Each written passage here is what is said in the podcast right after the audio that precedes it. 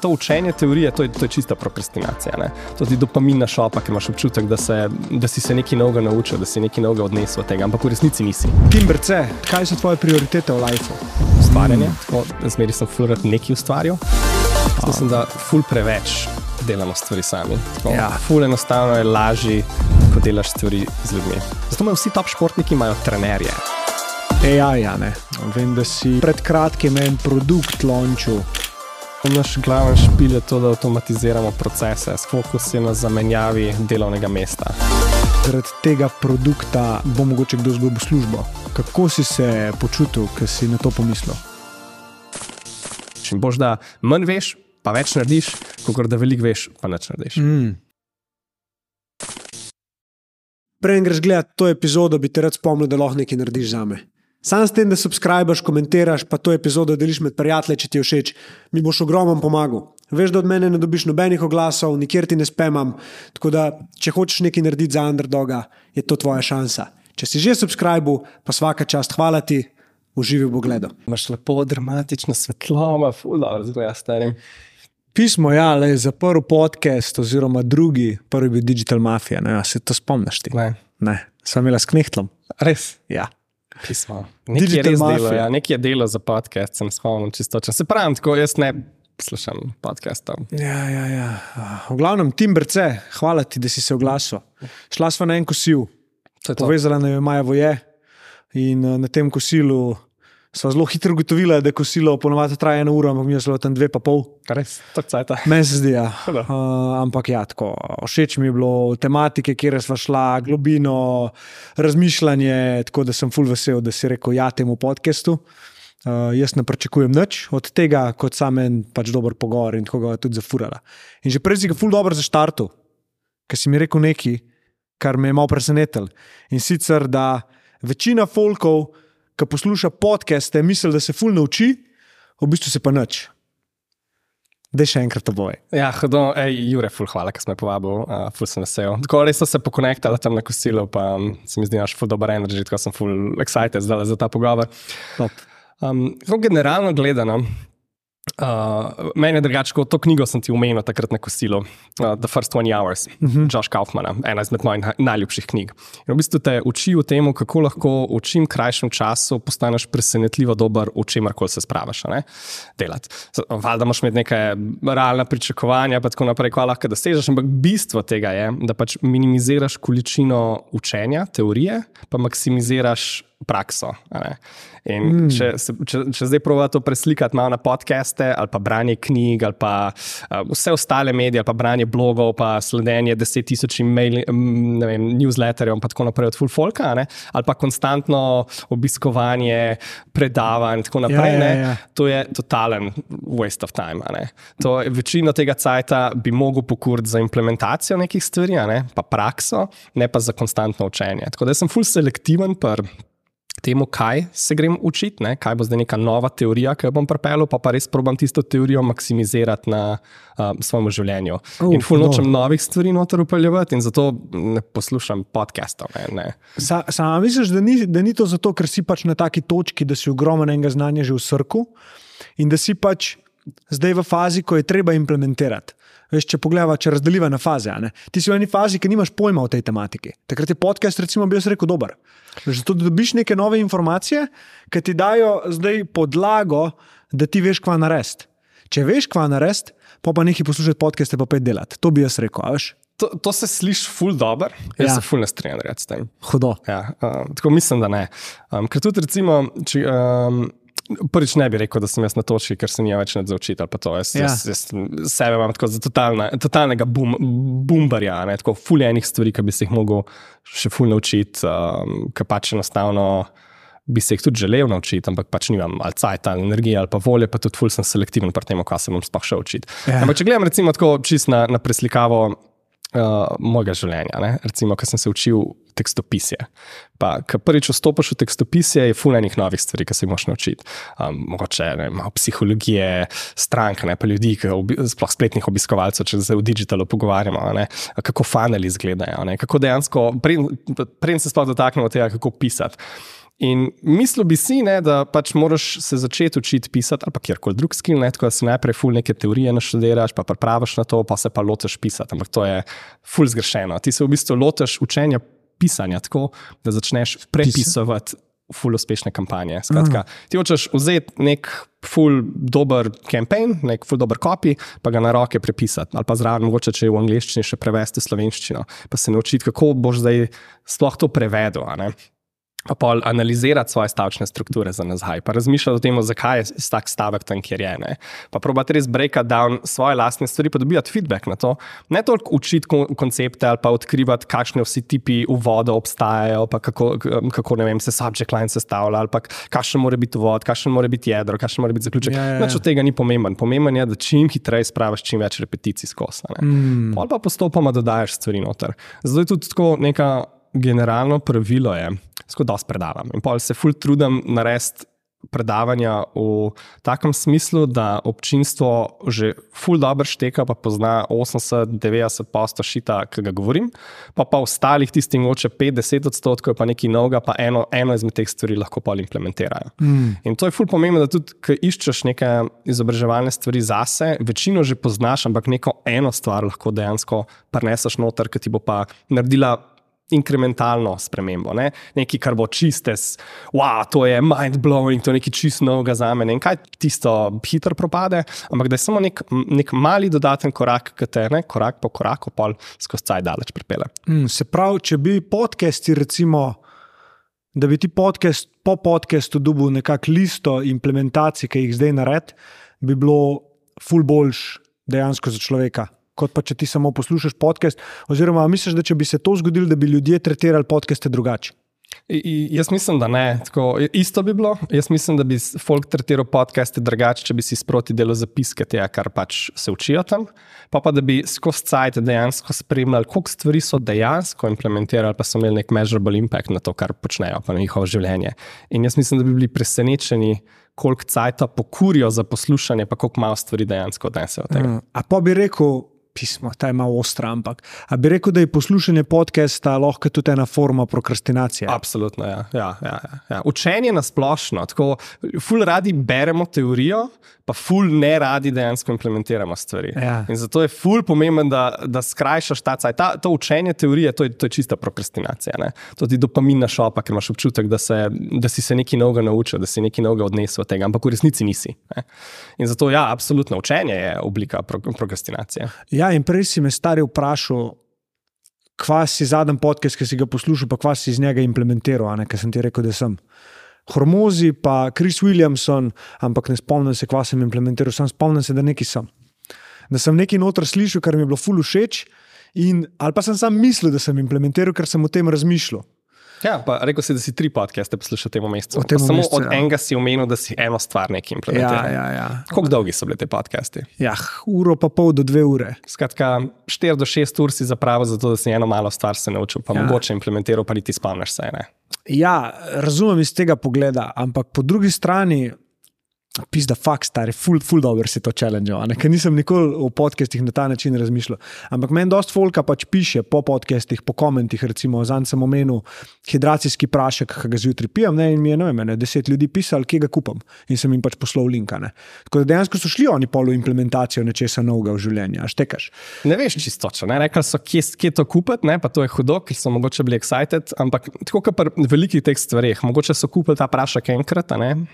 Um, pa mogoče jim je res pomagali, pa ne, da Ja, se ja, ne spomnim, ja, kaj ja. točno. Mogoče so ga samo enkrat kupili, popili do konca, pa, pa niso spet reordali ali pa naredili pač re- res neko spremembo v njihov lak, pa to prepeljali noter, kot um, kar neko navado. Zanimiv, zanimiv. Tako da v bistvu bi podcast lahko gledala bolj kot entertainment, Siguren. kot pa dejansko ja. Ja. učenje. Ne? Ja, ja, ja, Okay. ja, ja, Tako da vem, uh, kam se dati. ja, ja, ja. Ne, Mislim, ful, ful dobro mi je, kako, kako si to zdaj pač razmišljal, ker se nisem strinjal na začetku s tem, niti zdaj ne bom rekel, da se v celoti, te pa razumem. In mi, je, in mi je to všeč, ker, ker vem, da izhajajo tvoje izkušnje iz let in let dela. Ne?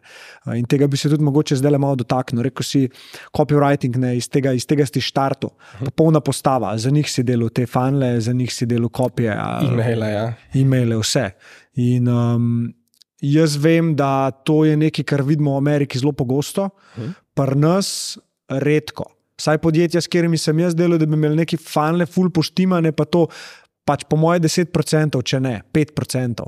Takih, da so rekli, ja, to, ali so delali s tabo, ali pa so delali z nekom drugim, ki isto pač tako zadevo postavlja. Da me malo pel v te čase.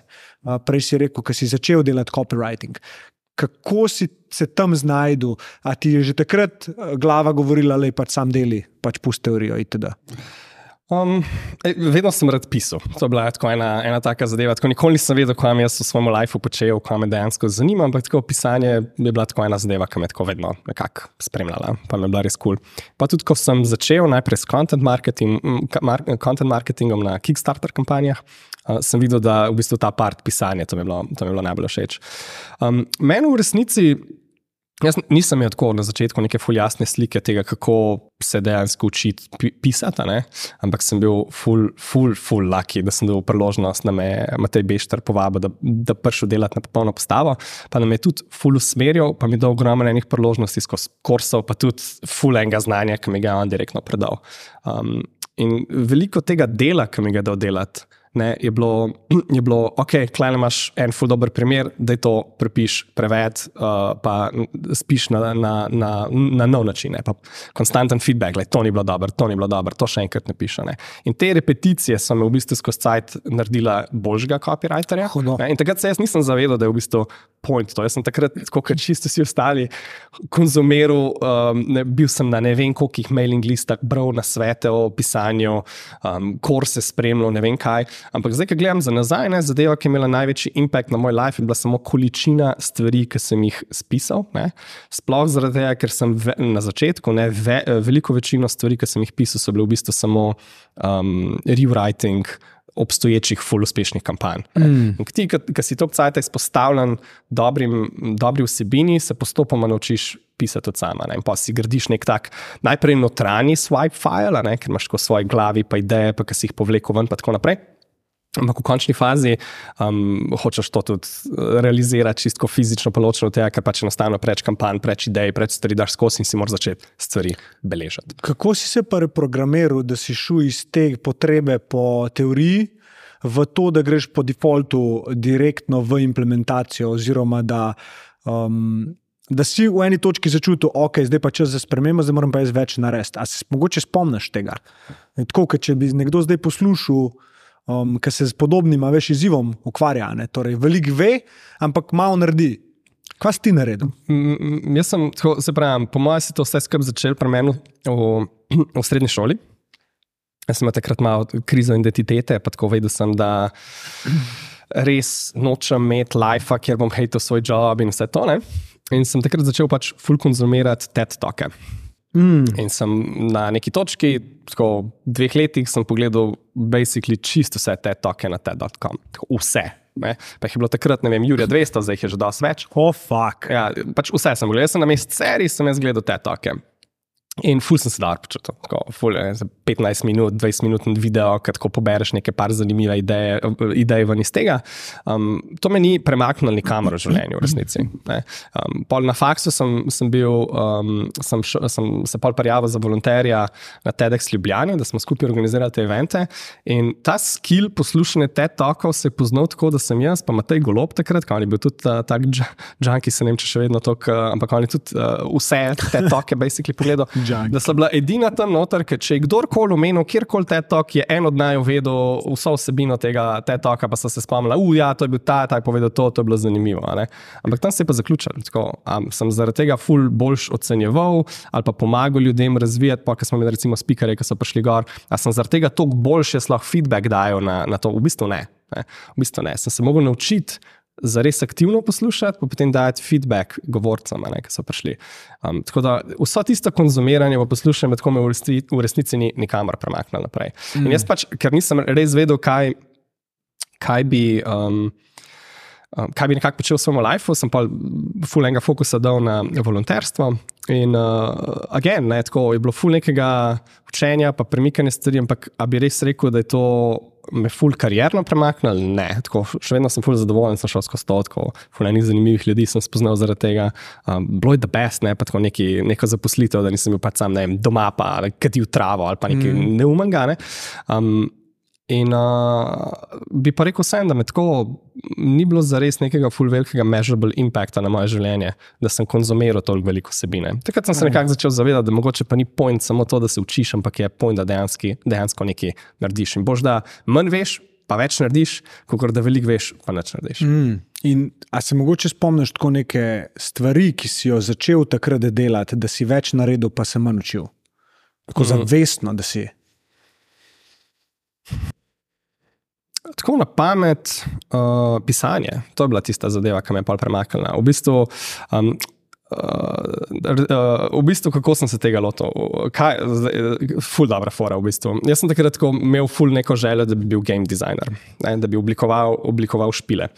In sem si zaradi tega kupil eno knjigo od. Uh, od žene, od Johna Romero, ta on je oče modernih videoiger, Doom, uh, Wolfenstein, on je, on je pionir 3D mm. uh, streljačine. Okay. Um, res legenda in njegova žena, ista legenda, Brenda. Um, Uh, Brenda Romero, ista legenda, kar se tiče uh, oblikovanja iger. In ona je naredila učbenik za ustvarjanje iger, za, uh, reče se, Challenges for Game Designers. Ful, dobra knjiga. Zdaj je v bistvu podobna um, učbeniku za matematiko. Ne. Jo odpreš, imaš tako odstavek ali pa dva odstavka teorije, pa pa tako 50 vaj, ki greš tako implementirati. Ne.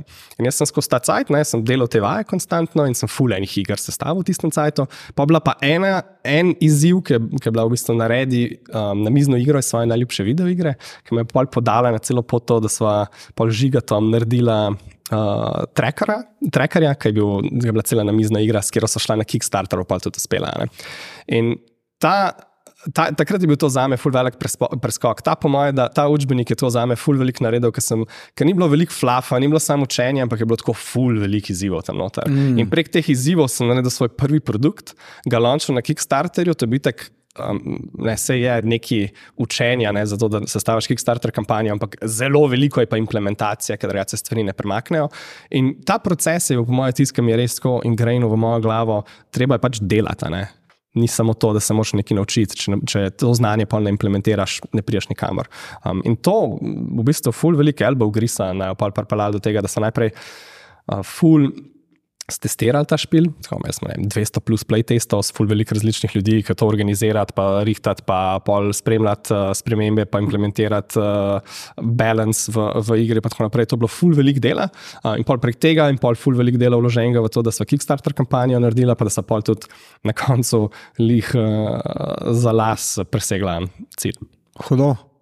Vmes uh, mi je ena beseda skakala v glavo, prokrastinacija. Uh mhm. -huh. Veliko ljudi mi reče, ali pa ima občutek, da prokrastinira tako, dosta cajta. Um, da mi povej, kako ti to besedo slišiš, kako jo razumeš, se pravi prokrastinacija, če se pogovarjamo o tem. Me je to najboljša zadeva na tem planetu. Sko, jaz, uh, jaz, jaz, jaz si tako zase si mislim, da sem full, ok, uh, lazy smart čeprav bi mogoče dobil podarek na lazy, kot na, na smart. Um, in full bi rad si oblikoval live, ker ne nam nič delati. O tem veliko delam, zato sem pa tudi uh, pa, dve leti nazaj šalto na uh, šest-urni delovni teden. Um, sicer sem pa odkril, da je to tudi malo dolgočasno, pa da sem vseeno malo deloholik, pa da mi je dejansko fajn graditi stvari. Ampak tako, deep down je meni to najboljša zadeva, ki bi lahko počel v svojem življenju. S tem, da moja oblika prokrastinacije danes je vem, art, ne, ustvarjanje, mm. tako zmeri sem fluorat nekaj ustvarjal. Um, in se mi zdi, da je ful dobro, da ljudje tako pri sebi poiščemo nek produktiven način, kako lahko prokrastiniraš. Mm. Um, ker, uh, Samo je pol to še prokrastinacija. Ja, sigurno. Ja. Po mojem, da je. Ja. Stari. Se pravi, edino, kar ni prokrastinacija, je, da delaš na kaj na biznisu. Uh, delaš, ja, ni nujno na biznisu, lahko je to družina. Ne, ali, ali pa trening. Se, ali pa trening, ali pa tako take stvari.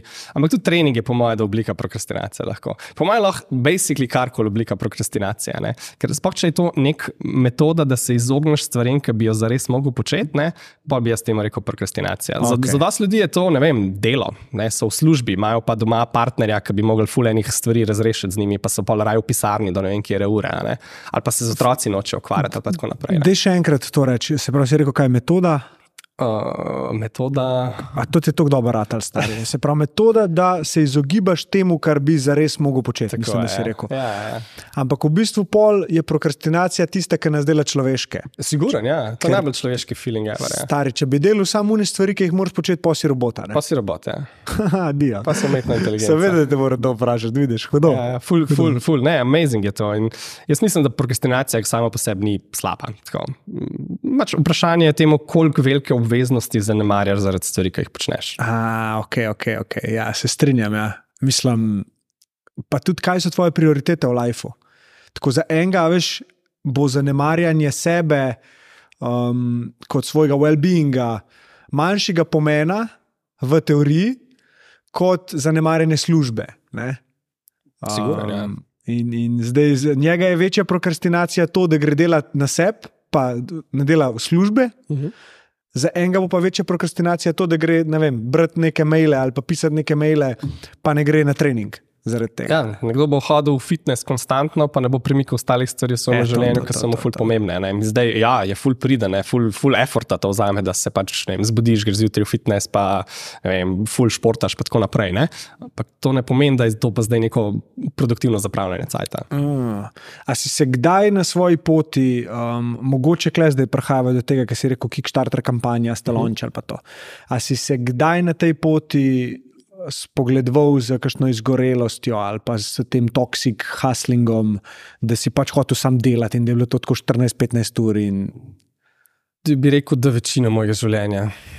Ja, to zmeri, tako ful se mi je bilo zmeri v izi zatopliti v, v delo. Um, mm, tako sva, vem, s punco šla na morje, jaz sem imel laptop tam, pa več sajta bil na laptopu, kot na morju. Fak, ja. Tako da bi rekel, da sem ful velik tega, da skozi v svojem življenju. Še vedno, po mojem, da to dela. Ja. Um, ampak uh, tudi ful uživam v tem. In zato vse pravim, tudi, to je, tudi delo je po mojem, da lahko oblika prokrastinacije. Mm. Sploh če zanemarjaš stvari, ki so tudi ful pomembne, pa neke obveznosti, ki jih pač enostavno moraš premakniti naprej. Mm. In kdaj v življenju si začutil, da način dela, ki ga mogoče delaš, je treba mogoče malo spremeniti ali pa ozavestiti neke druge zadeve? A se mogoče spomniš? Mm, ja, to je bilo po mojem, da po, po Vitapurju. Okay. Da malo o tem obdobju povej. več. Ja, pač. Um, Backstory. Backstory.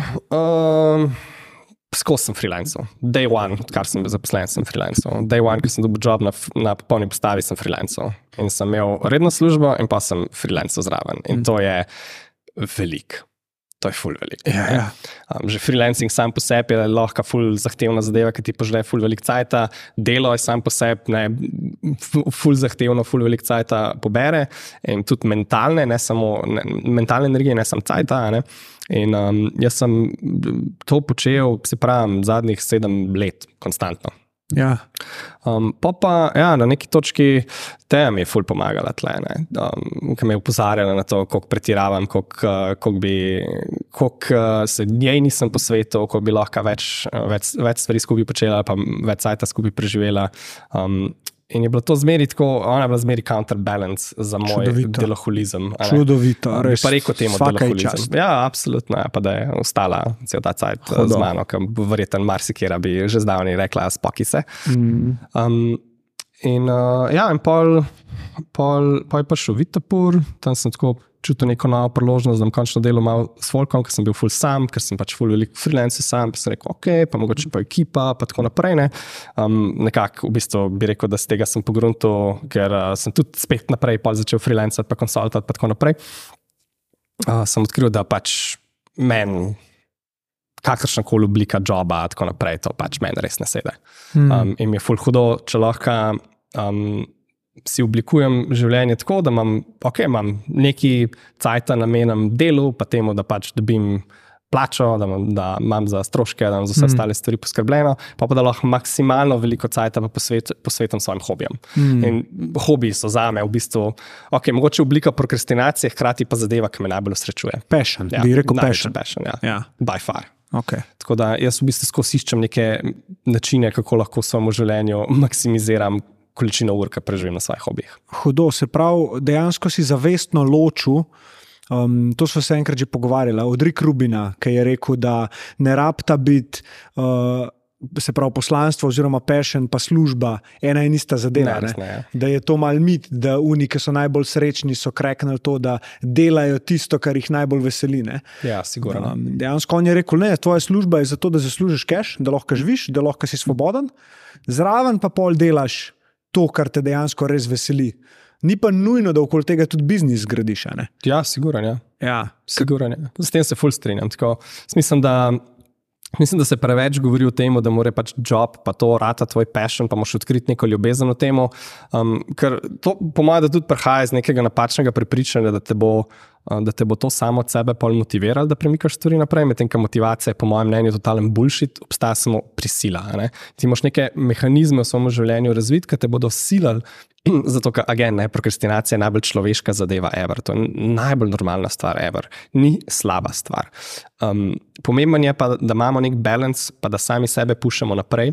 Ne, a pa takrat, ko ne moramo sami sebe, je glih zato, se to se tudi pogovarjala, je, uh, je ful pomemben, da imamo nek accountability drugim ljudem. Ne, Ja. ki, nas lahko skup, ki nas lahko potiskajo naprej. In da drug drugemu nudimo neko to podporo, pa prisilo tudi hkrati, zato da dejansko obdržimo fokus, pa delamo na stvarih, ki so fulj zahtevne. ja, Pa ki niso toliko fan. Ne? ja, ja. In ni, niso sploh to vedno neki ljudje, ki so mentori ali pa karkoli. ne. Rabijo biti mentori. Lahko je, lahko je žena, lahko je punca, lahko je, lahko je friend, lahko Ja. je sodelavec. ne. Ja. Uh, ampak istočasno je kle, treba se pa soočiti pol z neko resnico. Ne? Biti iskren do sebe, da mogoče rabaš na nekih točkah pomoč. Pa ne, pa ne misliti konstantno, ne, ne, lej, jaz bom že, jaz bom že sam, uno, vse, itd. Jaz Mislim, da ful preveč delamo stvari sami. Tako, Ja. Ful enostavno je lažje, ko delaš stvari z ljudmi.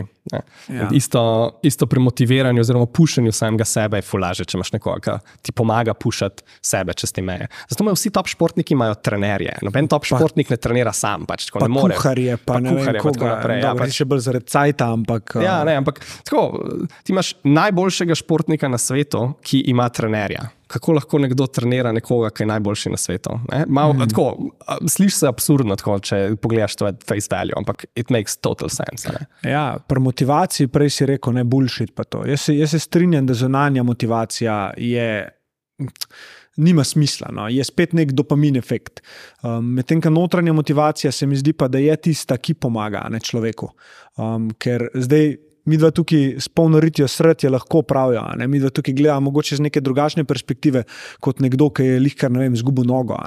In da bo on šel zdaj naprej v življenju, rab motivacijo rab, rab videti to, da ima nek, še nekaj za dosežeti, da, da se mu splača pač premakniti naprej v življenju.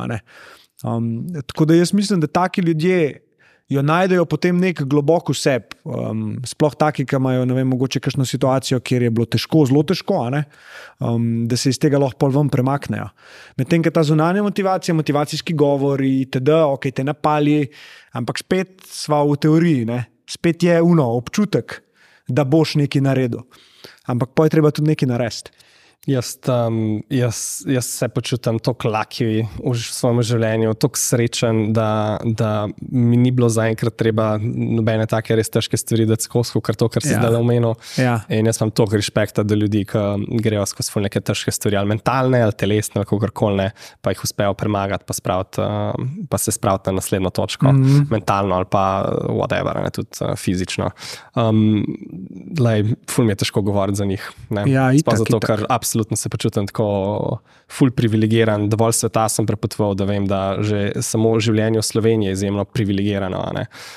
Stopaš plunek čez Evropo, eh, je svet čist drugačen. In tudi tle, tudi tle smo v resnici vsi na nek način ful privilegirani, sploh napram tega, tega kako živi 80-90% sveta. Ja, kaj si videl, kaj tažga, Ej, um, kar je tako šokiralo? pač vse stvari, ki, jih, ki, ki si jih lahko predstavljaš, tako čiste bede, pa reve po Afriki, do, do enega nasilja. Do, tako, ful je težko dejansko opisati te stvari človeku, ki ni nikoli vem, šel potovati po Afriki. ne. Um, tam, tam je pač ne vem, vsaka vas ima svoje HIV centre. Mhm. ker je pač to toliko pogosto, da basically ogromen del populacije po določenih predeljih ima pač, ima pač AIDS. Um, to, je, to je za njih del življenja, nekaj totalno norm- normalnega. Medtem ko pri nas, mislim, da je celo Slovenija, sem zadnjič bral neko raziskavo, da imamo tako skoraj nič, da je zelo malo, zelo malo novih okužb tukaj pri nas. ne. Um, že samo to, ne, da, da, da naše okolje nam da tako prednost um, pred uh, ta, ta, tak zagon, tako toliko novih priložnosti, ki se jih v resnici sploh ne zavedamo. Ja, klej se predvsem pogovarjamo o tem, da moraš biti motiviran za to, da premikaš stvari naprej. Ja.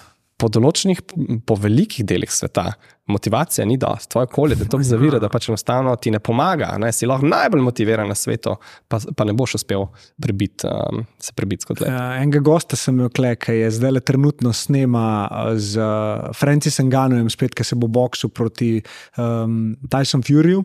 Francis Gano je borc, MMA borc iz uh, Senegala. In um, on je pobegnil iz rudnika pri 17 letih v Evropo peš. No. a ne. In če se mi da pogovarja tukaj o okolju, pa neki a ne, uno, motivaciji, da boš nekaj naredil, je to čist, čist drugače, kot če ja. se mi da pogovarjava o vem, Franciji, iz Klej Slovenije, ja. Ja. kam je um, žlet uničil trte in se je pol potem pobral. Štekaš. Um, tako da mi Absolutno. ful mi je všeč, da si rekel, da si, da si ozavestil eno tematiko, ki mislim, da se tudi ne govori dosto o njej, hvaležnost za ja. Našo državo, Ja. za to, da so pač ljudje pred nami, naši predniki, nam izborili svobodo Ja. da pač mi tukaj dejansko lahko zdaj se ukvarjamo s problemi tretjega sveta, ne, Ja. um, oziroma first world problems. ne. Um, Jaz mislim, da imamo veliko stvari, za katere moramo biti hvaležni. Tako, ja, ne. Zelo veliko in mislim, da pač se o tem ful premalo govori. ja. Ker tudi na tvoji poti, verjeten, zdaj, ko pogledaš nazaj, si imel tako občutek, joj, pa dej, pa še to, pa konstantno so bili neka pritoževanja v igri itd. Ne. Ampak ena izmed najboljših stvari, ki sem jo zase naredil v življenju, evo, implementacijo, je bila, da sem se nehal pritoževati tudi sebi. A, oziroma, na začetku je to izgledalo tako, da sem se samo opazil, ko se pritožujem in sem pač nehal, ker ne korist. Ni nobenega pozitivnega efekta, če se ti pritožuješ ali nekomu drugemu, ali pa sam sebi. Zato, ker pritoževanje nikoli ni povezano z akcionom, torej da nekaj narediš. V trenutku, ko se nehaš pritoževati, lahko nekaj narediš. Ne? A, Nisem ja. do tega. Ja, zanimivo. Ja, ta je bila taka, no, ta je zelo stoična, drugače. Um, to je, mislim, da je Sokrates rekel ali kdo. Hudo. Je rekel: don't, don't ever hear yourself complaining, not even to yourself. Ne? Uh, in stoiki so zelo taki. Resnica je ena, ne pa da je vse od sebe. In pač ni, lej, ti lahko vsem lažeš, vse ne moreš. In je tak self-accountability. Manever, ki te evo, sem ga zdaj lepo pač lahko povedal, ki mi je res pomagal. Tako da, če kdo se ima občutek, da se veliko pritožuje, ki tole posluša, nehite, prosim. Pa pogledajte, kako se vam live spremeni. Um, jaz se drugačko se strinjam s tem, bi dal pa mogoče samo en caveat. Um, hedonizem tudi ni slaba stvar. Tako, in jaz mislim, da pač vse je na koncu. Mislim, da ste se o tem primeru pogovarjali. Pa to sem prebral, po mojem, da naredi to. Ne vem, kje je tako. Kdaj si na zadnje pomislil na angliško kraljico, Ki je umrla. ki je umrla? Ne? Tako, Ja. A si prej aktivno razmišljal o njej? Niti enkrat. Pa, pa bi lahko rekel, da je imela precej remarkable življenje. ja. Pa ja, njena izkušnja, ja, ok, v redu. Bila kar remarkable, ne, kar je dosegla, kot je živela, kaj vse se je spremenilo pod njo. Ne, to je res. Ja. koga vse je res. spoznala. Um, umrla je.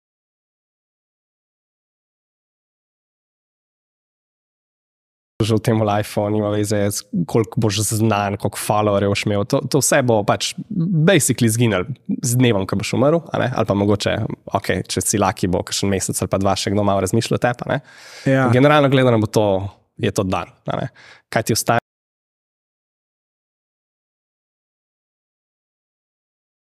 Delamo vse kot roboti, ne? ampak da pač tudi uživamo v tem cajtu, ki smo tle. Wow, Mrlince sem dobil. Zato bi se tega malo bolj dotaknil. Okay. Um,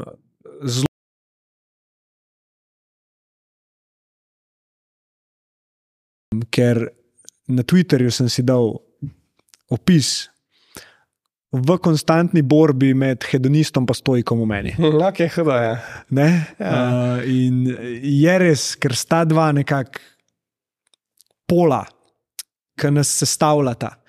In življenje brez hedonizma, ok, stojki bojo rekli, to je pravo življenje.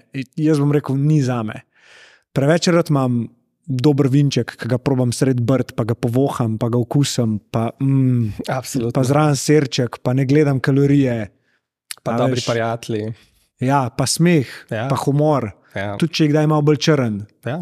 Vse gud. Pa igra. Igra. Ta, ta otrok v nas, ta otrok v nas je hedonist, oziroma ne rab discipline, rab, rab izkusiti to lepoto življenja. Radovednost. Ja. In tako, kot si prej rekel, okolje, ki ga imamo, fakt stari. Prav spomnil si me, koliko smo lahko srečni, da kle živimo. Ja. Ker jaz tudi, ker sem šel recimo na Filipine. To je bilo moje prvo potovanje iz, uh, izven Evrope, uh, sva šla zdaj, mislim, za eno. Uh, in ker sem jaz prišel tja, ker sem stopil ven z letala, pa šel pač po ulici, oziroma ker sem se s taksijem pelala do hotela, sem bil tako, no, ok, what the fuck je to. Um, ljudje, ja, tako ljudje kle živijo. Mm. Koliko je teh ljudi v enem mestu? Sem vprašal ga.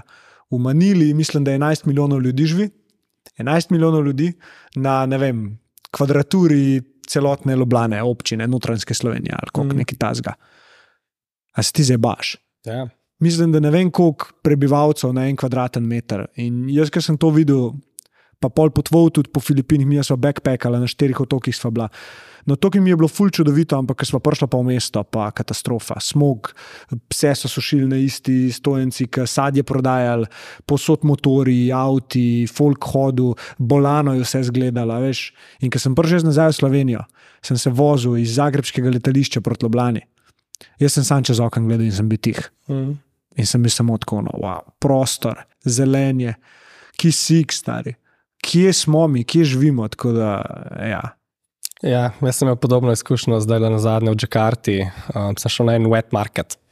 Čistko, po Džakarti ni turistov. Kaj je to wet market? Uh, um, skratka, živali prodajo. Aha, okay. Eno, drugo, pa dobro, še vse ostale stvari zraven. Um, In sem se šel, tam, tam basically ni turistov, tako ne vem. Otroci so hodili do mene, pa se slikali z mano, pa folk me random ostavljal, pa tako naprej. Pa si misliš, ok, Indonezija se je, like, ampak dejansko vsi letijo na Bali, po Indoneziji se zelo, se zelo malo šeta okoli. Um, ne, in sem se še tam, meni je bilo dobesedno, pa ne hecam se na bruhanje, mi šlo tako, ker te vonjave tam so tako intenzivne, da adijo pamet. Ma, to je folko everyday life, to je njim normalno in pač spremijo to. to, ful je, to je full testament tega, kako so naši možgani dejansko prilagodljivi in kako se lahko navadimo na basically karkoli. Spremljamo to, in zato je tudi ful pomembno, da pravimo biti malo um, pozorni na to, kaj nam normalno, pa kaj mogoče dejansko realno stanje na svetu. Hmm. Kaj pa to um, dejstvo, da če si ti konstantno v trenutku, te nima biti česa strah, oziroma strah težko obstaja. Kaj, kaj bi si mislil o tej trditvi? Jaz, jaz, jaz mislim, da ljudje rabimo v spektr čustev. Ja. Ne moramo se izogibati temu, tako preleslet bo pač nekam zapeljalo v to, da boš občutil vse, vse možen spektr čustev. Ja. In jaz mislim, da je to ful pomemben. Tako.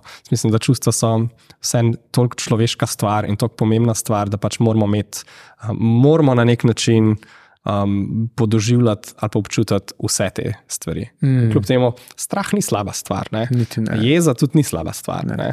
žalost ni slaba stvar, vse to so samo pač občutki in te občutke treba pač. Na tak ali pa drugačen način. Če hočeš imeti nek pestro življenje, ne, um, moraš, moraš doživljati na rednem. Ja, velikrat se, velikrat se te občutke tako malo uh, negativno konotacijo imajo, oziroma se jih izogibamo. Ne? Um, Medtem, ker zdaj mislim, da se kolektivno dosto o tem govori, in, in ne vem, ali sem sam jaz v takih družbah, da so vsi občutki nekako enakovredni, da ni noben boljši od drugega. Uh, da edina stvar, ki te občutke dela karkoli drugačne, je naša uh, percepcija, je naša um, zgodbica, ki si jo okoli tega občutka ustvarjamo. Odzivi na njih. Ja. Odzivi, ja. Uh, in sem zanj slišal eno dobro stvar na podkastu. Okay. Uh, in sicer, da, ah, ne me videti, prosim, um, da v bistvu edini način, da travmo razrešiš, je, da spremeniš svojo zgodbico o tej travmi. In da v bistvu ne trpiš zaradi dogodka, ampak kako si, si ti ta dogodek za zapomnil, kakšna je bila tvoja percepcija oziroma perspektiva na ta dogodek. ne? Okay. Uh, in da v trenutku, ko ti percepcijo zamenjaš, da se ti je v bistvu to zgodilo in da je to samo dobro za te, pa lahko tukaj tudi o ekstremih govoriva, um, da takrat ti travmo razbiješ. In da šele takrat lahko res konkretno spustiš. ne. Pri meni je bilo to recimo smrt očeta. Jaz, sem dojel, da pa je pismo res bilo pol, ki sem razmišljal. Ker sem dojel, da sem bil v tistem trenutku zraven, da se je zgodilo to, zato, da sem odkril eno večjo moč v sebi, da se je pač to moglo zgoditi, da ne bom šel jaz po isti poti. Um, sem imel tako občutek, da pač se mi nič hudega sploh ni zgodilo, ampak da se je zgodilo točno to, kar se je moglo. Uh, pa bi mogoče dal tebi zdaj žogco, da se še ti malo poigraš s to tematiko. Jaz, ful, velik, jaz res nisem, res tako, tok, moram potrkati po lesu, ful sem happy, ker nisem imel zares nekih velikih travm v svojem življenju, takšnih ali pa drugačnih. Um, in mi je ful, se bojim govoriti o No, tem, ja. Ker uh, nočem nobenemu soliti pamet, ker vem, da so izkušnje določenih ljudi tako grozne ali pa tako težke, da jih pač jaz enostavno ne morem razumeti, da jih Ja, kdorkoli drug ne more razumeti, kot oni sami. Tako da bi ful težko, ful ne bi posploševal tega, kako se tega rešiti, pa tudi iskreno nisem ekspert za to. ampak si fuleno lepo stvar rekel zdaj, ker si pač povedal resnico. Um, Umenil si, da te je strah tega. Ja, sigurno. Ja. Nimate biti česa strah. Ne, ne, pač v smislu, strah, bi, strah me je govoriti, pa um, sploh v nekem javnem mediju, whatever, Ja, ja, ne, ja. kar to je. Pa dajati na svete, brez tega, da se res uh, zavedam tega, kaj to za nekoga pomeni. Itak. Meni je ful pomemben, tako se mi zdi, da vedno sem bil ful empatičen in mi je ful pomemben, da pustim prostor obč za občutke drugih ljudi, ne, pa da sami poiščejo nek način, kako se z njimi spopadati. Jaz sem happy zase ne, in ful sem vesel jaz, ne, da, se, da, da, da sem konsistentno ful srečen. Um, ne, morem pa, ne morem pa tako, ne bi si pa upal, ja, tako z nekim, sploh z, moj, z moje privilegirane situacije, kar se tiče mogoče mojega mentalnega stanja, ki mislim, da je tako res tako generalno ful dobro. Um, mi je ful težko po- potem iz te pozicije privilegija drugim dajati na svete o tem, kako bi oni mogli reševati svoje probleme. Lepo je, ja. pač pot, ki si jo prehodil, Ja. odkot te poti boš dal na svete. S Tomijem smo imeli, je rekel, um, da najboljši na svet, ki ga je slišal, je bil. Mm, Ne sprejemati no sveta od nobenega, ki ne bi obul tvojih čevljev, niti od mene. To mi je rekel Toni Majhen, ne vem, če poznaš njega. Um, o njemu sem že kar veliko slišal. Tudi, no. Ja, Um, ja, ne, kar sem hotel reči, je, je tudi to, da veliko bolj trpimo v nekem namišljenem svetu, kaj bo, kaj bo takrat, ne, kot pa, ko se to dejansko zgodi. Ker ko se dejansko zgodi, imaš kontrolo. Ko ti v tem razmišljaš, kontrole nimaš. Ne. In ja, nočem zdaj ja, preveč jaz mislim, da so situacije tudi v življenju, kjer pač enostavno nimaš kontrole, pa se ti nekaj groznega dogaja. Ne. Ja. Um, Palestina, ne, recimo. Ja. Uh, tam Siguren so nedolžni ljudje tudi na tisti strani. Pa le pa še ena tema, kjer je mogoče. Um, sej, se mi zdi, največji zločin tle se mi zdi to, da je toliko težko sploh govoriti o tej temi. Ne? Ja. Pa da reči, da so nedolžni ljudje na obeh straneh, ne? pa da je to somehow kontroverzno. Um, ampak nek, mislim, da lahko vsi povlečemo črto in rečemo, da nek trileten otrok, ki živi v Palestini, ni nič, nič kriv. ne. Ja. In ne more ničesar narediti, se mu jim objektivno dogaja krivica. Ne? Kaj to pomeni? Ne? Pač nimajo kontrole nad tem, pa je to neka situacija, ki se ji ne morejo enostavno izogniti. Tukaj to, ja. mislim, da je tako ful, ful je težko generalizirati za take stvari, ker pač um, je presenetljivo veliko trpljenja, za katerega pač ljudje nimajo opcije se mu izogniti ali pa kontrole nad njim. Ja. In, ali pa recimo na drugi strani depresija. Ne? Mm. Sej, um, fuljo izreči, ja, pa dej, ne vem, začni hoditi v fitness, pa začni, ne vem, to delati, kar bo ful ti pomagal, pa tako naprej. Ampak enkrat se moramo tudi zavedati, da pač, kdaj se pa zgodi, da so možgani pač enostavno tako zvezani, da pač ne vpliva nič na to. In da je situacija ful, ful, ful, ful težka za določene ljudi. In nimajo zares kontrole nad tem, kako se počutijo. In tukaj mislim, da bolj pridemo v, v, again, v ta segment, uh, kjer je mene, pa, ok, mogoče strah govoriti o tem, ker pač v bistvu nimam kaj sploh zapovedati tukaj. Ker, Mm. nisem strokovnjak, nisem tega nikoli doživel, ne, zaru, ne, ne razumem za res te stvari, in pol ne bi Ja, ja, ja, na ja. svetu ali pa sedel pametnega o stvarih, o katerih nimam pojma. Ja, a se ti zdi, da se preveč ljudi ukvarja s tematikami, kjer nimajo pojma, oziroma so prebrali nekaj ali pa nekaj slišali, in da to pol naprej delijo, ker je to na njihovem zelniku zrastalo? Ja, jaz mislim, da je tako, živimo v svetu, kjer je full porast uh, antiekspertov. Ja. Ne? In tega bo zmeri več. Jaz, mislim, tako, jaz imam tako par kontroverznih klej mislih, zaradi katerih sem jih že dobil po prstih, ampak um, generalno gledano, jaz mislim, da ne bi smel imeti vsak pravico oglaševati.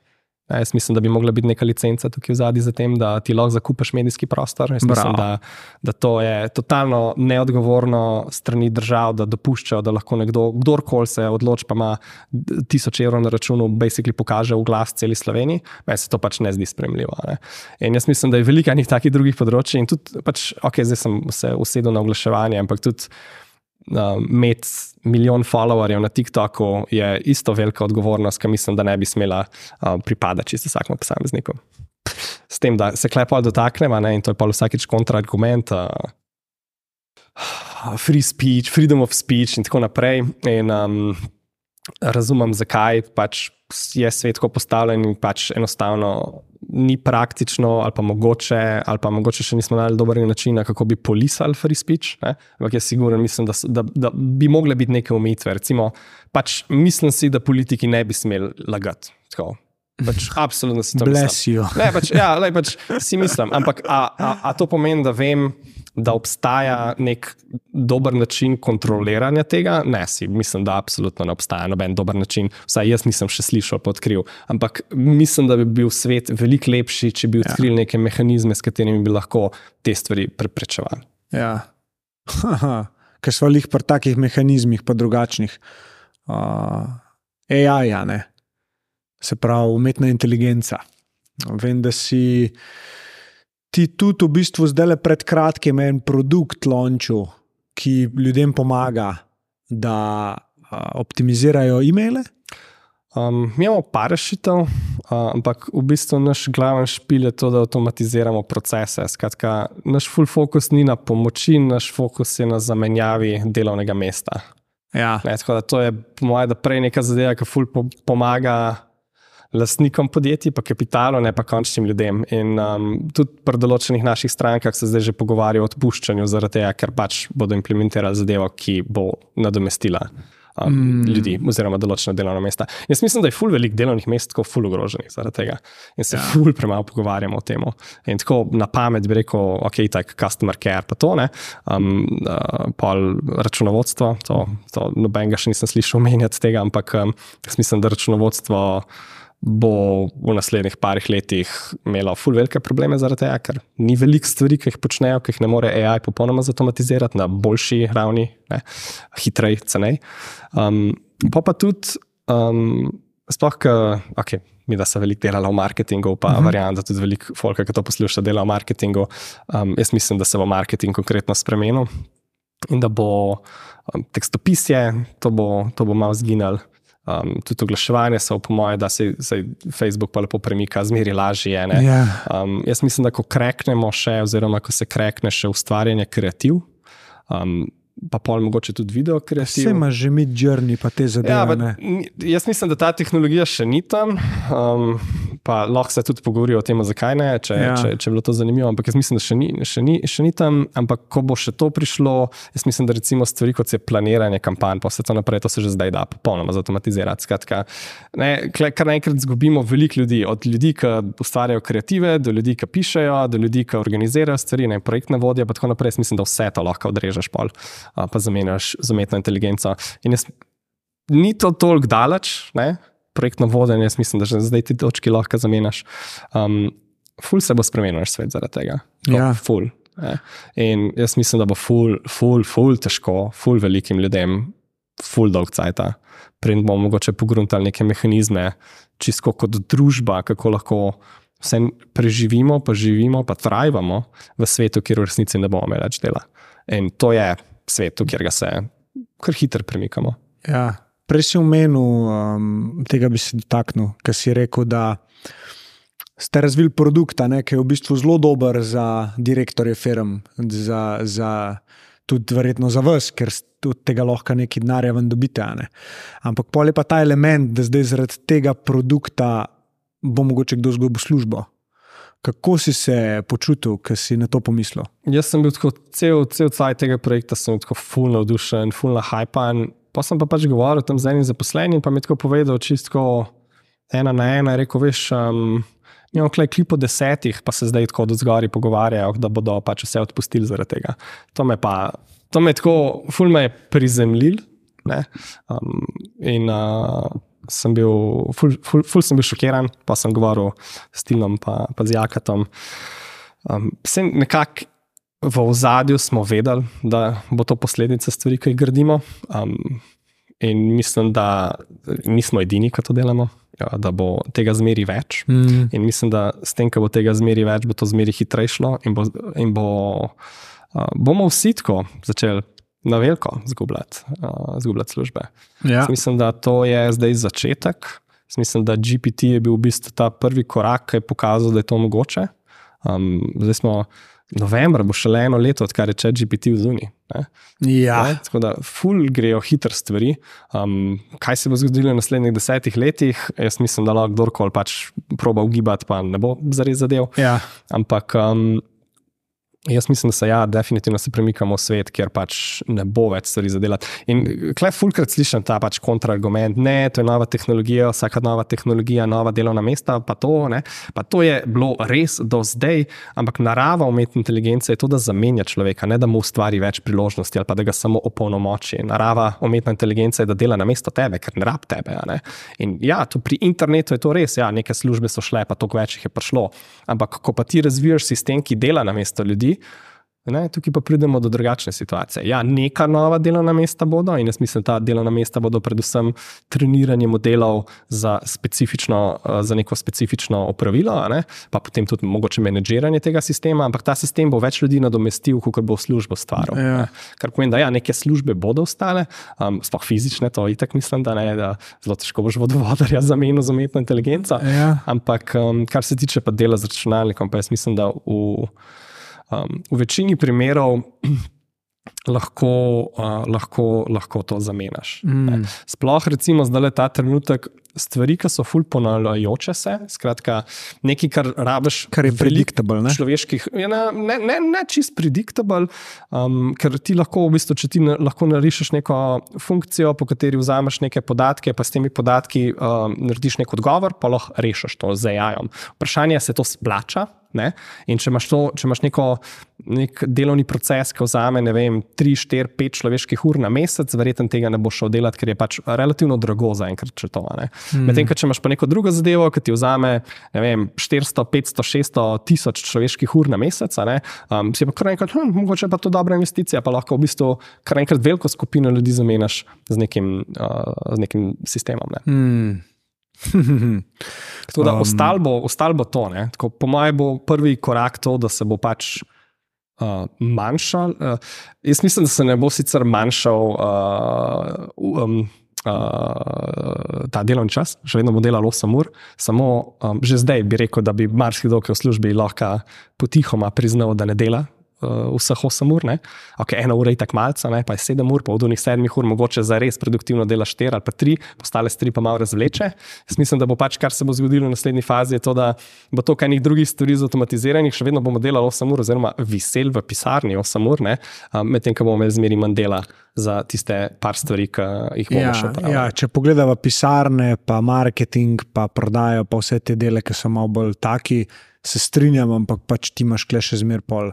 Voznike avtobusov, voznike kamionov, ja, ja. slej, ki prej, mislim, kamioni so jo sami vozili, sej maske, po moje, že naredil, kašnega, kaj se. Se je, ne?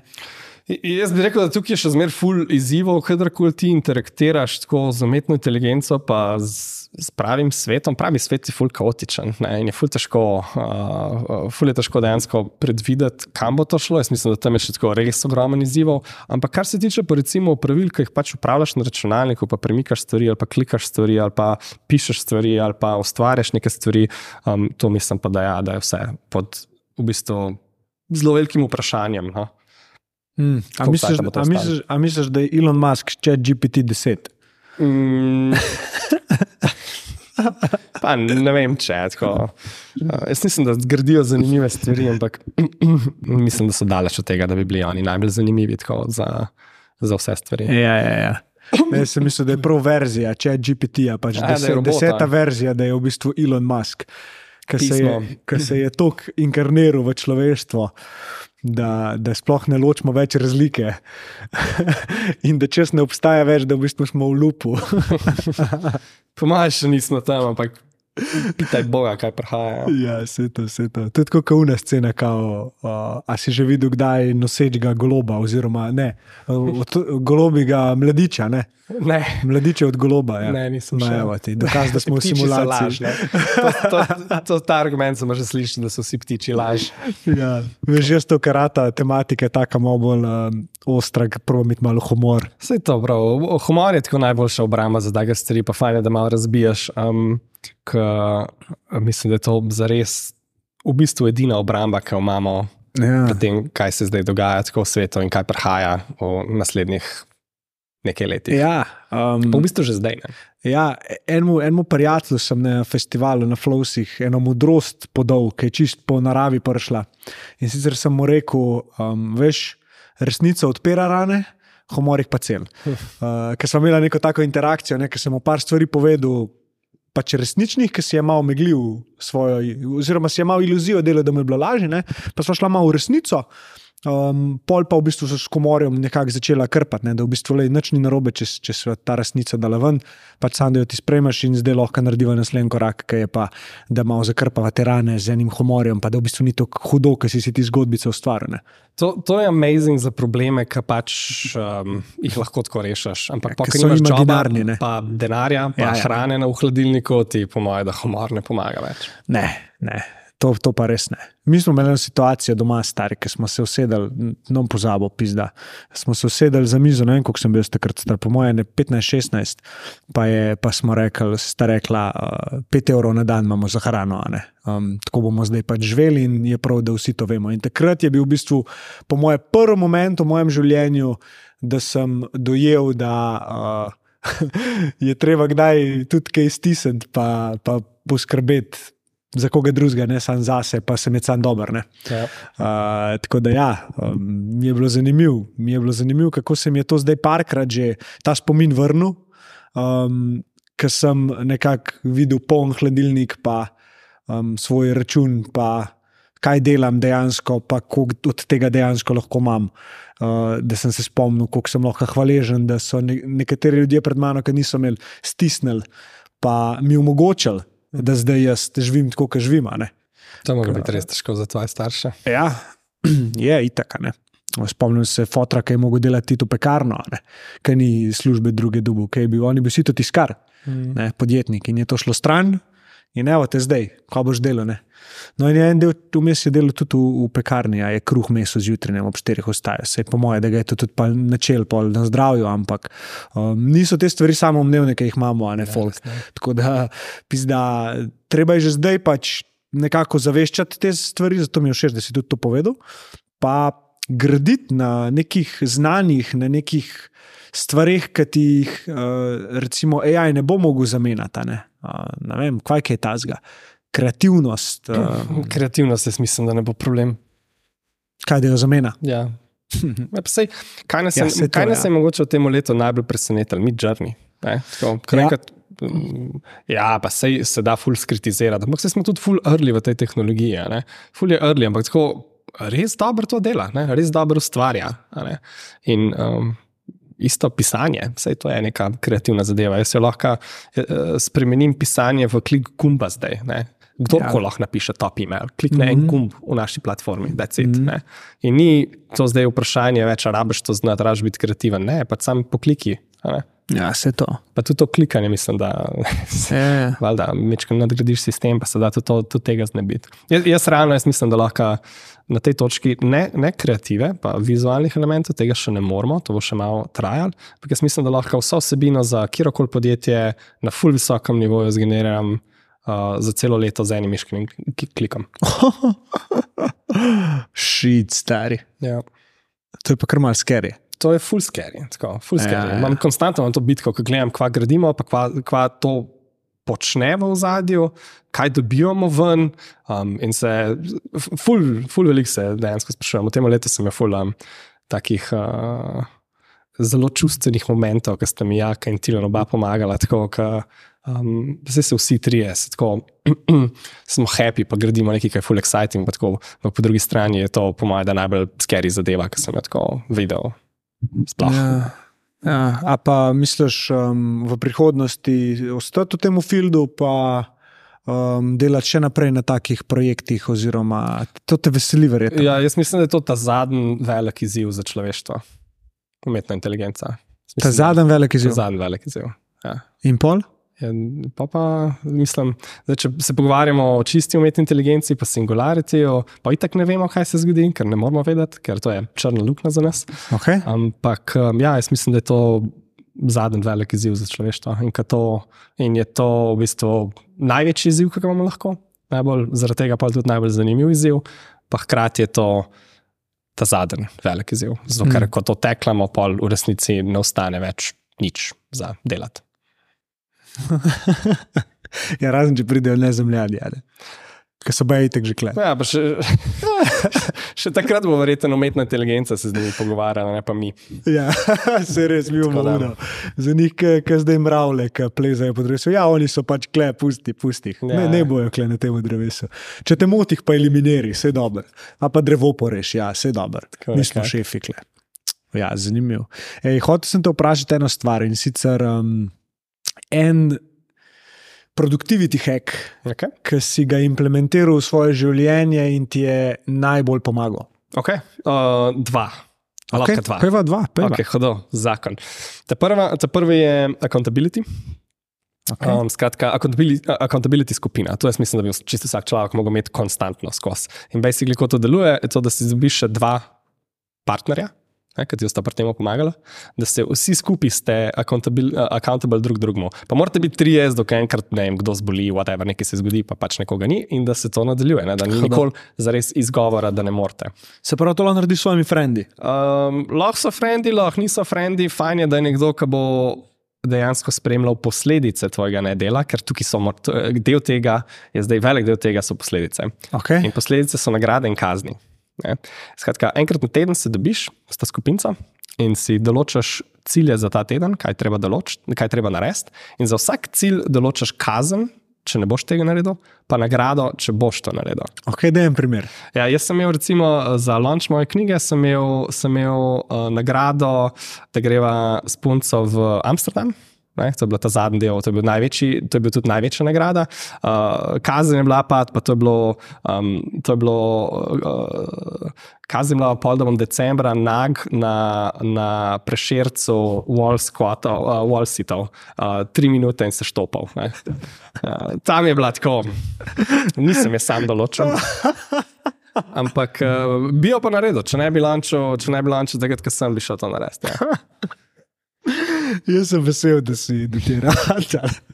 jaz, jaz sem tudi vesel, da mi je rad, tako wall si to res ne maram, pa ne bi bil nag sred zime v zuniji. ja, ja, ja. Um, kind of interferes with the ego. Ne? Ja, in, ja. In, in, in v bistvu tako presenetljivo dobro te to motivira. Sploh, imaš še dva človeka zraven, ki te silta v to, pa ki veš, da se veselita tega, da boš. Ti mogo biti nag na ne? In uh, bi rada videla, ne, da, da in se moraš res potruditi za to, da, za to, da to dosežeš. Ja, naredil. Tako, to je ta prva zadeva, ki bi jo čisto sem priporočil. Tako, accountability pa še dva človeka, ki se skupaj drug drugega pušata naprej, to pač nič ne pomaga pri pr obdrževanju fokusa. Ne? Pa pri prisili tega, da dejansko delaš stvari, ko vsi ramo malo prisile. Ne? Ja, ja. A, Motivacija, tako se so že rekli, bullshit. Ja. A, Je to ta prva zadeva, ki bi jo mogoče vsak implementirati v svoje življenje. Pa, pa ta druga zadeva je pa štopanje. Okay. To mi je life spremenil. Jaz štopam zdaj vsak task, si dam timer. Okay. In to je, po mojem, da zadeva, ki je najbolj pohitrila moje delo. In ti lahko dam primer tega. Um, Da, ja. uh, jaz nisem več tako passionate za copywritinga, že dolgo cajt, že kar nekaj let sem iskreno, pač enostavno ne da več pisati. In uh, sploh po tem, ko napišeš, že ne vem, 5-6 tisoč e-mail kampanj, pač le ne da se mi več tega zares delati, uh, prerastel sem to. In sem za svojo knjigo sem imel en subscription. A lahko poveš, prosim, naslov? Aha, uh, email autopilot. Imalot, Autopilot. Autopilot. Ja, autopilot za, za email. aha, In, um, in sem basically kot, kot en izmed produktov ob knjigi, sem imel en subscription service, ker sem vsak mesec pošiljal svojim strankam template newsletterjev. okay. Za naslednji mesec. ja. Skratka, jaz sem pač neke template sestavil, ti si lahko sam izpolnil, pa poslal na svojo, list, na svojo bazo. a ne.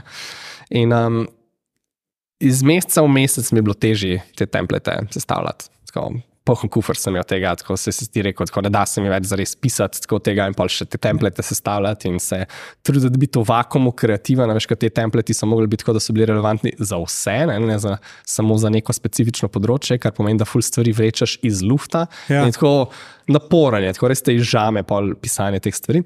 Um, ker nimaš zares nobenega sidra, za katero bi se prijel, pa rekel, da sem lahko kreativen znotraj teh mej. Mm. To ful pomaga pri kreativnosti. No, in sem, um, in sem imel tako po 8 ur, ne, da sem sestavil ne vem, 7, 8, 9, 10 teh templetov. In meni v life ni vzel toliko časa, kakršno koli pisanje. Sem zelo hiter uh, v kopiju, ki ga pišem, pa lahko tako v povprečju, ne vem, pač zelo hitro napišem en e-mail. In um, to, to se mi je pa vsakeč vlekel. Sem rabo cel dan, 8 ur tam, gor dol, en mail, mogoče na uro ali pa še več, da sem sestavil, ker pač skozi sem skakal kol, res se mi ni dal, tako nisem bil motiviran, za to, da bi to napisal.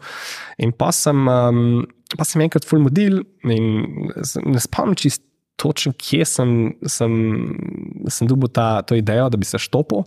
Pač sem si nastavil 45-minuten timer, Rekel je, zdaj je naslednjih 45 minut, da sem le sedel, pa sem pač prvo napisal to. In ko sem kliknil odštevanje, je to nekaj, ne vem, premaknilo v mojih možganjih. In jaz sem v, mislim, da sem v, tako, v 17 minutah napisal 10 mailov ali 7 mailov, nekaj tasga. Na koncu, na koncu sem spravil tako na 2 minuti, pa pol na en ta template. Ne. Predtem sem mogoče več kot eno uro rabo. Ja, full. Ful razlike. In samo zato, ker je bil un timer, sem vedel, da je moj safe space, to je, zdaj, to, je to, to je to, kar sem jaz se komitil temu, ne morem se več temu izogniti, ne bom ustal iz tega, pa če bo kdo zvonil, pa če bo ne vem, kaj se zgodi, pa če bo bajta gorela, bom jaz sedel za tem, za, na tem zicu in bom to poštanco temu cajtu. In je to tako na glavo mi obrnil, koliko cajta sem rabo za vsak posamezen task. In pa sem to začel implementirati posod in si vedno dajem, uh, vedno dajem pač nek. Um, uh, si, si določen, koliko time blokov bom delal, po 45 minut. Um, in ful sem na začetku slabo ocenjeval, koliko časa mi bo posamezna zadeva vzela, ampak sem vse začel pa, pač delati v time blokih. In to mi je ful pomagalo, ne samo pri tem, da sem. Um, hitreje delal, ne, pa bil ful sfokusiran na vsako zadevo, ki sem jo delal, ampak hkrati sem se začel učiti tudi ful dobro tajmati stvari. Mm. Ful dobro razumem, koliko časa mi vzame neko, mm. neko posamezno pravilo. Um, te dve zadevi, jaz mislim, da bi lahko to či- čisto vsak človek početi. Hudo. Ja. Se pravi, za neko povečanje produktivnosti ja. sva rekla, da se začneš štopati, pa da si najdeš accountability grupo oziroma Tako. badje. Tako. tako. Ja. To sta, te, te dve zadeve sta meni spremenili life. Zanimivo. Um, kaj pa, če bi lahko na svetu eno stvar spremenil? Kaj bi spremenil? Vsi bi bili vegani. Dejem, boj, to si pa, kaj si razmišljal, si že prej slišal to vprašanje, kdaj ali ti res to verjameš v to? Ma, ja, jaz sem vegetarijan sem že od petega leta. Cel svoj life, tako fulam rad živali. Um, tako nasplošno se mi zdi, da. Um, pa, pa, pa mislim, da tako generalno imamo vsi radi, pa noben ne bi rad videl krave, ki se jo zakole, pa tako naprej. Da, okay, se imaš s- subsection ljudi, ki bi verjetno uživali v tem. Ampak um, mislim, da generalno gledano tako so stvari, ki. Meso je bilo včasih nuja, zdaj pač danes res ni lahko, ful dobro, ful zdravo živiš brez tega, brez tega, da bi rabile neke druga, neka druga bitja na tem planetu trpeti zaradi tvojih želj. ne. In Okay. se mi zdi, da pač, ja, realno, če imamo to opcijo, um, zakaj, ne bi, zakaj ne bi vzel, pa temu sledil. Mm, zanimivo. Uh, jaz sem drugačen, en zelo dober primer slišal, kako bi omejili porabo mesa, torej, da ne bi bilo pač tako, kot je. Da bi si vsak mogel samo jeti tisto, kar bo pojedel. Jaz mislim, da se je kle pač ta pizdarija zgodila, da smo mi začeli ljud, uh, živali gojiti, zato da jih pol zakoljemo. To, to tudi meni tako. Uh, Medtem, ker ta ideja, da si ti pač ujameš divjega prasca, pa ga samo ubiješ, pa ga pol poješ, mi je tako uno, ful taka primal, mi, mi je všeč, ampak vem, da v današnjem svetu pač ni več tako. Mislim, jaz, jaz, jaz, zakaj sem to rekel? Pa tako, vsi, ki me poznajo, vejo, da nobenemu nikoli ne morim okoli tega, pa se Ja. v bistvu sploh ne pogovarjamo o tem, ker um, vemo, Ja. vemo kakšno, Ja. ka- ka- kakšen, kakšen, um, kako folk gleda na, na, na ljudi, ki ne jejo meso. Um, jaz bi rekel, da, da tako, če ena zadeva, ki, mi je fulj pomembna v življenju, je to, da imamo vsi čim več in čim boljše priložnosti. Ampak, jaz rečem vsi, jaz ne mislim samo na ljudi, jaz mislim pač na živa bitja, generalno gledano. Mm. Mogoče malo drugače gledam na travo, pa na solato, pa na bučke, pa na vse ostale stvari, ki mm. uh, jih dejansko ločem. Um, pa na živa bitja, ki pač ne bi rada umrla. Ne? Vsaj krava ni happy, ki gre v klavnico, pujs tudi ne. Um, zavedajo se, vohajo, ki pripeljaš k veterinarju, vidiš, da je mu res ne sedi biti tam. Tako, živali tudi čutijo te stvari in tako se mi zdi, če. Um, meni je ful pomemben, da imajo vsi ljudje okoli mene ful veliko priložnosti, pa da se dobro razvijajo, pa da uživajo v življenju, pa da so živi. Uh, ker se mi zdi, da najlepša stvar, ki jo imamo v življenju, je to, da dihamo zrak, pa da nam srce bije. In pa se mi zdi, da bi lahko to čisto komod. Um, Oziroma, vsaj meni je pomemben, da tudi živali pač ostanejo tukaj z nami, ne pa da jih tako masivno iztrebljamo, kot to pač počnemo zdaj. Ja. Ja, mislim, meni se zdi tvoje mnenje tukaj čez velik. Pač ni. Jaz mislim, da tukaj to, veš, da se postavljamo konstantno v to um, dualnost, ne eni za to, drugi za to, pa to. Ta nekakšno razdvojevanje, konstantno človeštva, eni v to verjamejo, drugi v to, če ne verjameš v to, si pač uh, odpadnik. Ne.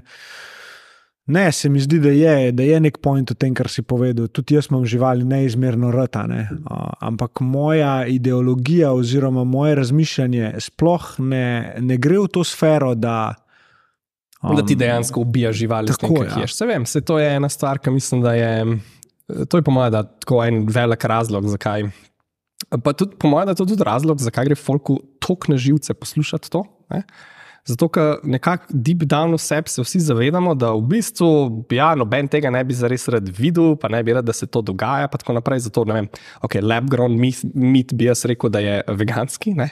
Um, to mogoče se kakšen vegan ne bi strinjal z mano. Ampak uh, sem full excited recimo, za ta teh, uh, pa da ne vem, mogoče, uh, če bi lahko, ne, da bi folk obdržal svoj mest, tako da je pač ne vem, vzgojen v laboratoriju, ne pa hkrati pustimo živali, primeru, to bi bil za me tako najboljši mm. možen solution.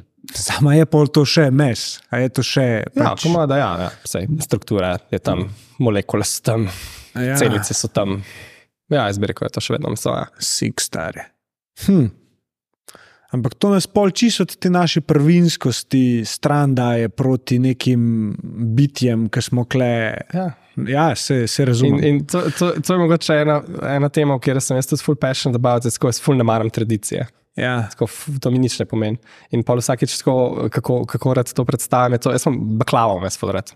Turške Ok. okay. sledice, pač kdo, Ja, kdo ne mara turških sledic. Ampak pač jaz ne maram tako sladke baklave, pač malo manj cukra bi imel tam noter. Ja. Um, in ne, zaradi tradicije se pač absolutno ti tega ne smeš spremenjati in to cukra mora iti noter in ne vem kaj. Ne?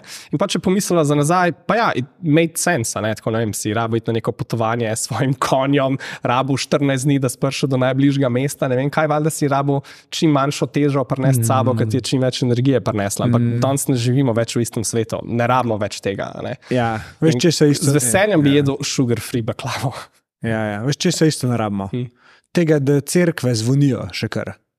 Okay, uh, religija je ta druga tema, ki bi jo, uh, ampak to, ta je že malo bolj žgečljiva, ampak Ja. ja. tukaj bi isto črto povlekel, pa rekel, ne rabimo, noben tega zares, po mojem, da ne rab. Um, To sem zadnjič pomislil, stari, ker sem slišal sem te zvonove, pa to in sem bil tako, zakaj? Zakaj to zdaj jaz poslušam? a ne? Zaradi tradicije. Ja, no, evo, a ne. Se tradicija, se po eni strani je prav, da se ohranja, sploh tako globoka, ampak če gledajo iz praktičnega vidika, če bi si optimizirali pač življenje na sedanjost, verjete, ne bi obstajali. Ne? Ne, jaz, jaz, Veliko mislim, stvari. jaz mislim, da tradicijo tako preveč, preveč jo enostavno sam požiramo, medtem ko bi mogli ful bolj kritično razmišljati o tem, kaj je smiselno, pa kaj ni. In jaz mislim, da pač religija, generalno, jaz verjamem, da je imela ful, uh, ful je imela pozitiven učinek na človeštvo. Um, sploh recimo vem, v, v primer islama, pa rednega umivanja rok, obraza, vsega ostalega, pač amazing. Valjda je bilo to logično, na nek način je bilo to treba pripeljati do ljudi. Ampak aj to še vedno potrebno? Po mojem, da ne. Mm. In jaz mislim, da generalno gledano religija nima več mesta v družbi na splošno mm. in ne prenaša ničesar koristnega za, res, za, za, za ljudi.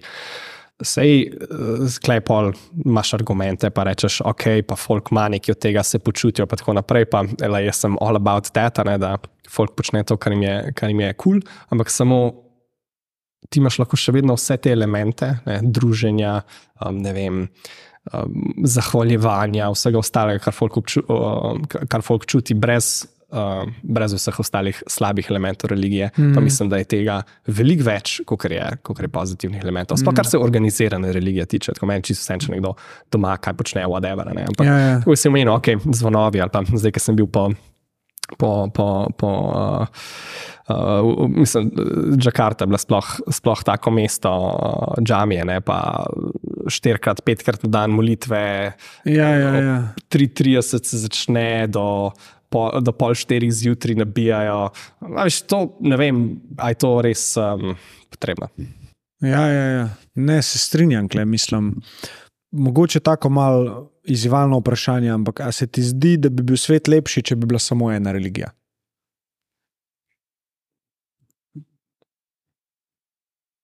Ja, v bistvu, po mojem, da ja. Po mojem, da ja. Zato, ker mislim, da en izmed elementov religije je to, da nekako spodriva vse ostale. Mi imamo prav, ostali se motijo. No, to je. Ja. In to plus meje med državami. To tudi mislim, da je neka zadeva, ki bi jo počasi lahko začeli nasplošno brisati. Um, mislim, da uh, to je zdaj ok, to je zdaj čist druga debata, pa to kompleksen problem. Da... Ja, ker zate, kar se tebi zdi nekaj, kar je prav za nekoga, ki živi na drugi strani sveta ali pa v islamu, se mu zdi to pač narobe. Ja, ja, veš, ja. Se že pogledamo, kako so ženske tretirane. To je sploh katastrofa. A, pač.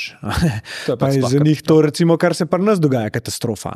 Ja. Ampak že ta. Že to, koliko smo si različni, nekako koliko smo drugačno učeni, že iz pogleda vrednot, jaz mislim, da je nemogoče, da bi obstajala ena religija. Razen, če se vrednote vseh ljudi po svetu poenotijo, kar se mi pa zdi dokaj nemogoče. Sigurno, ne? se zaradi tega pravim, ne pravim, da je to realno. Ja, ja. Jaz samo mislim, da vse, kar bolj povezuje ljudi, ne, je ja. dobro. Ja. In vse, kar postavlja meje med ljudmi, um, je generalno gledano slabo, s, tem, da se zavedam in te meje mm. so v tem svetu, kjer živimo danes, pač močno potrebne. Ja, res je, res je. Uh, tale bo zanimiva zdaj. Um, če bi štartil novo civilizacijo, okay. pa lahko uporabiš samo eno pravilo. Eno pravilo. Kje pravilo bi to bilo? Uh, pravilo. Uh, vse temelji na znanstvenem eksperimentu. Torej, preden se karkoli odločimo, ja. damo znanosti ja. v ček. Ja. Oh, okay, zakaj ne bi pet malo globi? Ja, um, ne vem, kje izmed teh uh, uh, nordskih držav ima implementirano zadevo, da v bistvu preden sprejmejo zakon, izvedejo uh, znanstveno analizo, pogledajo, kakšen bo dejansko učinek ta, tega zakona, če je pozitiven, ga implementirajo in potem čez nekaj časa ponovno izvedejo raziskavo, pa pogledajo, koliko natančno so napovedali, kaj se je zgodilo, pa kaj ne. To se mi zdi tako totalen no-brainer. Zakaj tega ne počnemo posod po svetu? To je tako, po mojem, da najbolj logična zadeva, ki jo hočeš početi, sploh kar se tiče sprejemanja tako zelo um, pomembnih pravil v družbi zakonov. Ne? In jaz mislim, da tako generalno je tako najlepša zadeva, ki smo jo ljudje, ki je človeštvo pogruntali znanstveni eksperiment. Pa sej, lej, fulje problemov, pa fake študij. Pa, ampak to, to jaz mislim, da predvsem izhaja iz problemov fundinga in vseh ostalih stvari. Jaz mislim, da tako, če bi generalno gledano družbo osnovali glavno na pravilo, da dajmo preveriti stvari, dajmo pogledati, kakšen bo učinek, ne, pa dajmo delati na. Na, na tem, da bo za čim več ljudi čim boljš, um, bi imeli ful boljšo družbo. Mm, hodo. Ej, um, moram priznati, da so moji možgani danes zelo delali na tem pogovoru. Tako povedal si mi stvari, ki sem jih mogoče slišal prvič, oziroma si me challenge s tem, da sem določene zadeve reevaluiral. In zato bi se ti rad zahvalil. Uh, se mi zdi, da si tako um, lahko povedal svojo resnico, da, da je bil en tak lep pogovor. Uh, in za konec imam še eno vprašanje, ki okay. ga postavim vsem gostom. In okay. to je, če bi jutro umrl, Okay. kaj bi bilo danes tvoje sporočilo svetu? Life je amazing. Badumc. To je to. Hvala lepa, Jure. Tako, dobra debata je bila, jaz sem full živo. Upam, da tudi poslušalci. Ma, meni je dosta vse, no, ni mi čista, ne, ampak tako. Pač, meni je všeč to, da je tale uh, vortex spet odprl in da sva šla v neke tematike, ki še nisem šel. In carsko, knjigo mi boš napisal, kje je, da jo dam lahko kle od spodaj. Ah, do, ni tako high priority za me. Ma, mogoče le, če kdo, a veš, uh, se mi nisi niti rekel, da bo kdo mislil, ampak če bi kdo se pač malo več o e-mailu, rad pa v teh zadevah pač poizvedel, pač ne čekne, že imam, imam na tudi en nov kurs za e-mail, ampak um, malo na backburnerju, ko delamo tako exciting stvari za AI, da je to Ja, ja, res, ja. res glavni fokus. Ja, ne hodo. Plus ena zadeva, ki jo mogoče nismo tako omenila, uh, postani freelancer. a ne. Freelancerjem pomagaš isto z, uh, z te, da se postavijo na svoje noge, kako pač boljš optimizirati biznis. Itd., ne. Ja, z Majo imamo ja, tečaj skupaj, učijo folk, kako kak, kak začeti freelancati. To mi je na polno hudo, imamo pol tako vredne govorilne ure, vsak torek, ali včeraj smo imeli. Um, pol, mm, imamo cel tečaj okoli tega, kako se tega lotiti. pa to, ke Meni osebno je freelancing najboljša zadeva, ki sem jo naredil tako do zdaj. Se mi zdi, da mi to kaj ne svobode, pa to kaj nekaj stvari pripeljalo v življenje, pa to kaj nekaj ljudi sem spoznal zaradi tega, mm. da ful priporočam, pa ful z veseljem podpiram ostale, ki se tega lotevajo. Ja, ja, ja. Bom dal isto link od spodaj. Hvala. Če koga zanima, bo, bo pač sam počekiral. Hvala, Zato, ful, so vsi ful dobrodošli. Itek. Uh, je noč tako bojka.